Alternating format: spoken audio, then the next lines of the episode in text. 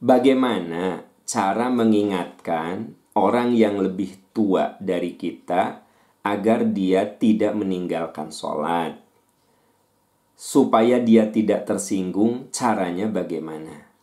Itu pertanyaan pertama.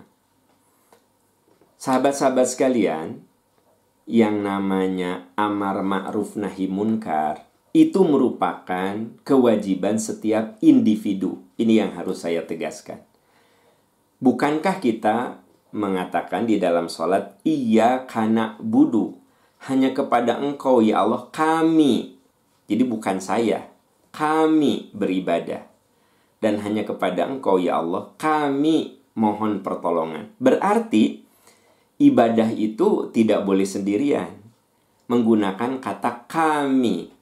Di situlah ketika kita beribadah, jangan solo, jangan soliter, jangan sendirian. Tapi kita harus mengajak orang lain untuk sama-sama dekat dengan Allah. Itu yang dikatakan di dalam surat Ali Imran, kuntum khairu ummah. Kamu ini menjadi umat yang terbaik. Kapan kita jadi umat yang terbaik? Ta'muruna bil ma'ruf wa tanhauna 'anil munkar wa tu'minuna billah. Kamu menegakkan amar ma'ruf nahi munkar dan beriman kepada Allah. Jadi mencegah kemunkaran, mencegah kemadorotan, lalu memotivasi orang lain untuk berbuat amal soleh dan meningkatkan keimanan, itu merupakan kewajiban individual.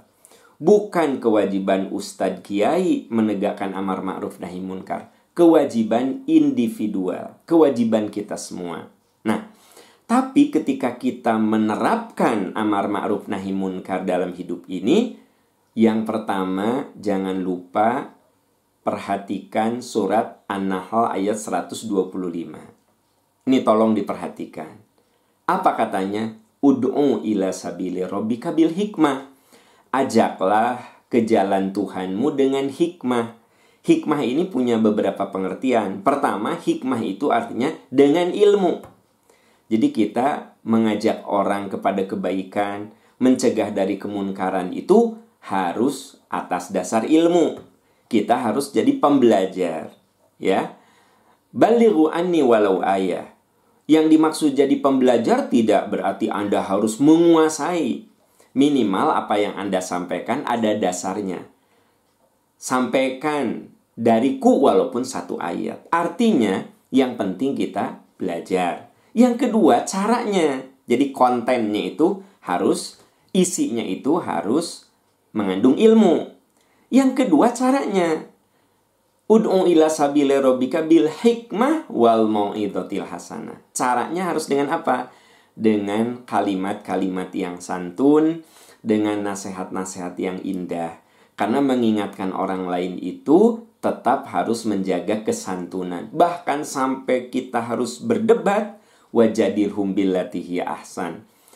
Dan berdebatlah dengan cara yang yang baik. Ini sebenarnya prinsip dalam menegakkan amar ma'ruf dan nahi munkar. Sampaikan atas dasar ilmu, jangan ngarang-ngarang kemudian menyampaikannya harus dengan menggunakan kalimat-kalimat yang santun, tidak boleh menghinakan, tidak boleh menistakan. Kemudian sekiranya kita harus berdebat, tetap lakukan perdebatan itu dengan menjaga etika perdebatan. Nah, yang menarik dari ayat ini adalah apa? Inna rabbaka huwa a'lamu biman dhalla an sabili wa huwa a'lamu bil muhtadin. Sesungguhnya Tuhanmu maha tahu siapa yang sesat dari jalannya. Dan Allah maha tahu siapa yang akan mendapatkan hidayah. Nah ini penting untuk kita doakan agar yang bersangkutan diberi hidayah oleh Allah Subhanahu wa taala. Sahabat, kalau kita mengajak kepada kebaikan, lakukan dengan ilmu. Kemudian caranya harus santun dan jangan lupa doakan agar dia diberi hidayah oleh Allah Subhanahu wa taala. Nah, prinsip ini bisa dijalankan ketika Anda mengajak, mengingatkan orang yang lebih tua dengan Anda. Ya, Anda harus santun. Kalau ternyata dia itu tipe orang yang gengsian, ya, Anda sebagai adiknya nggak mungkin lah ngasih tahu ke kakak. Anda sebagai anak sulitlah ngasih tahu sama orang tua. Maka Anda cari orang-orang yang kira-kira dituakan oleh orang tersebut, ya. Dianggap uh, public figure oleh orang tersebut. Jadi tidak harus Anda yang mengingatkan apakah Anda cari videonya, apakah Anda cari eh, tulisan-tulisan uh, tentang yang ditulis oleh orang-orang yang dianggap mumpuni. Jadi tidak Anda langsung karena kalau Anda langsung boleh jadi dianggap ngajarin. Nah, karena setiap orang itu berbeda dan yang tidak boleh dilupakan dalam menyampaikan dakwah itu dalam menegakkan amar ma'ruf dan nahi munkar itu seperti yang dinasehatkan Lukman kepada anaknya wa'mur bil ma'ruf wanha 'anil munkar wasbir ala ma asabaka inna dzalika min azmil umur. Ini bisa dilihat di surat Luqman.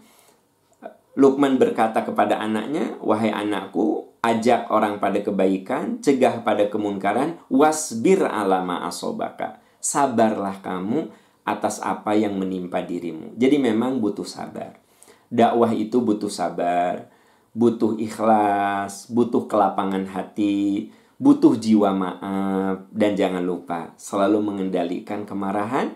Dan ingat, sebenarnya kita hanya perantara. Wallahu a'la, a'lamu bil muhtadin. Lihat sekali lagi An-Nahl 125 Innahu sesungguh wa huwa a'lamu bil muhtadin. Sesungguhnya Allah Maha tahu siapa yang mendapatkan hidayah. Jadi jangan lupa untuk selalu mendoakan, mendoakan, dan mendoakan. Itu cara yang bisa Anda lakukan bagaimana berdakwah kepada orang yang lebih tua dari Anda, apakah itu kakak, apakah itu mertua, apakah itu orang tua, memang ada cara-cara khusus yang penting adalah jaga kehormatan orang yang kita ajak karena semua manusia itu ingin dihargai.